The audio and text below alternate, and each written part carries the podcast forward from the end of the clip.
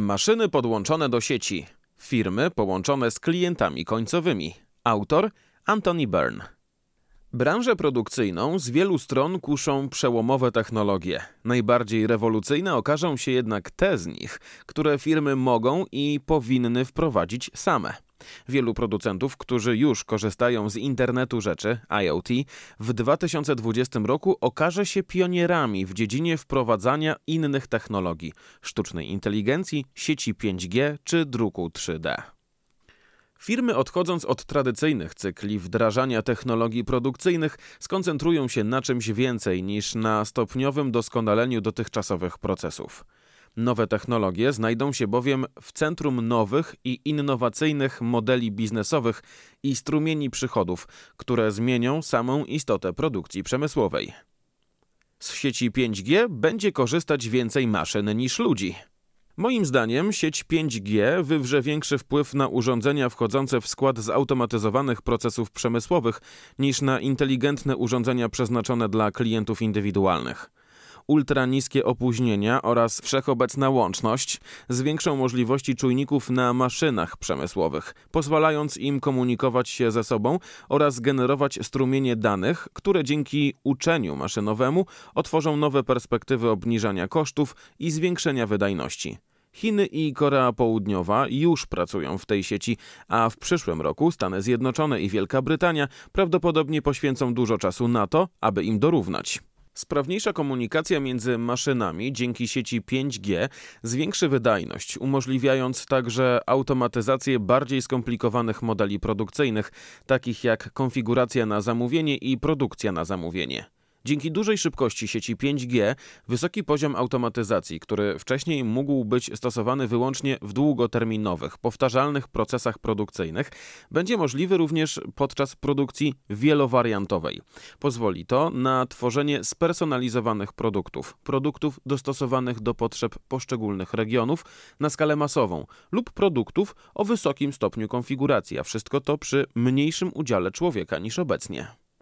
W tym roku model B2B2C zacznie stanowić poważną konkurencję dla modelu B2C. Przechodzenie producentów z ich tradycyjnej pozycji na szarym końcu łańcucha wartości w stronę klienta wiąże się z globalną tendencją serwicyzacji, polegającym na tym, że firmy ukierunkowane na produkty dodają do nich usługi lub sprzedają produkty jako usługi na zasadzie subskrypcji. Już w 2018 roku dane AFS wskazywały na to, że 62% producentów uzyskuje przychody z usług posprzedażnych związane z częściami zamiennymi, serwisem gwarancyjnym czy proaktywnym zamawianiem usług. Aż 16% respondentów stosowało kontrakty serwisowe z określonymi umowami na poziom usług, ale tylko 4% producentów oferowało produkty jako usługi, czyli pełną serwicyzację. Oznacza to, że nawet jeśli producent sprzedaje produkt przez kanał dystrybucyjny, może bezpośrednio świadczyć usługi wsparcia czy serwisu do tego produktu przez cały jego cykl eksploatacji. W ten sposób producent stosuje model firma-firma-konsument. Producenta łączy z klientem relacja usługowa, która wygeneruje dużą część jego przychodów. Może on być odpowiedzialny za dostarczenie określonych rezultatów, a nie tylko samego produktu. Na przykład, jeden z naszych klientów jest producentem filtrów powietrza, wcześniej robił to w standardowym modelu B2B. Jednak dzięki serwicyzacji przeszedł od sprzedaży filtrów powietrza do sprzedaży czystego powietrza. Wspólnie ze swoimi klientami proaktywnie mierzy ich bieżącą jakość powietrza, ustanawia cele w tym zakresie, a następnie zarządza systemem filtracji, by te osiągać. Część tego procesu jest zautomatyzowana, ponieważ czujniki w urządzeniach monitorują jakość powietrza i mogą wysyłać techników serwisowych, zamawiać części zamienne lub przeprowadzać proces serwisowania oparty na konkretnych parametrach. Rozpowszechnienie się modelu firma-firma-klient poprawi więc obsługę klienta, ponieważ umożliwi bardziej bezpośrednią komunikację między producentem a konsumentem produktu. Model ten wywrze również korzystny wpływ na środowisko, ponieważ liczba tworzonych produktów i ilość użytych w tym celu zasobów będą uzależnione od wymagań konkretnego zadania, a nie od kaprysów poszczególnych klientów. Do 2022 roku ponad połowa producentów zainwestuje w technologię sztucznej inteligencji i zwiększy produktywność o ponad 10%. AFS wspólnie z klientami pracuje nad połączeniem uczenia maszynowego z wieloma dużymi zbiorami danych, a następnie wykorzystaniem ich w celu identyfikowania wzorców i tworzenia strategii w sposób nieosiągalny dla ludzkiego umysłu.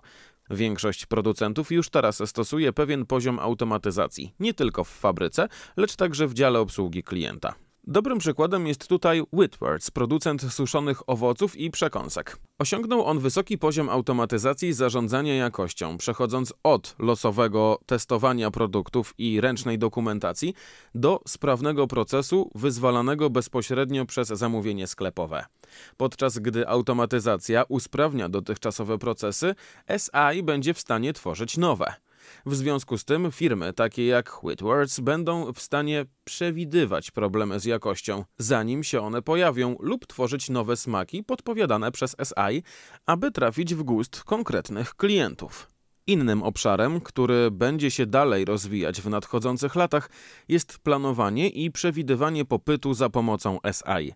Gdy technologie SI będą używane na odpowiednich zbiorach danych, producenci będą mogli dostosowywać swoje łańcuchy dostaw do prognoz popytu, dysponując wiedzą, która wcześniej była dla nich nieosiągalna. To z kolei doprowadzi do zmiany nastawienia producentów, dla których dotychczas proces produkcji najczęściej zaczynał się w fabryce, a kończył w momencie wydania towaru z magazynu.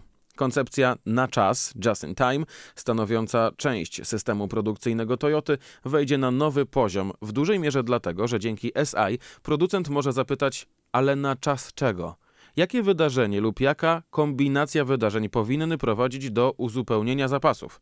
Może to być na przykład sygnał dotyczący popytu czy spadek ceny surowca lub jednej z części urządzenia.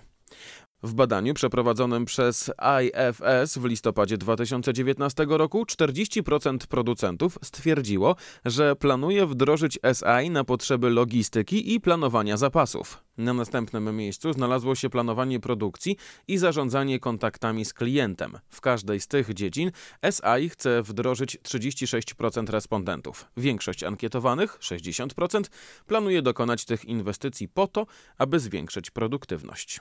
Przyszłość będzie inna. Rok 2020 zapowiada się fascynująco. Po kilkudziesięciu latach stopniowego wzrostu produktywności wynikającego z inicjatyw Lean, automatyzacji i surowej dyscypliny, producenci zaczną używać technologii nie po to, by optymalizować procesy, lecz po to, by je tworzyć. Sztuczna inteligencja pozwoli nam generować nowe metody wykonywania zadań, co przełoży się na nowe strumienie przychodów.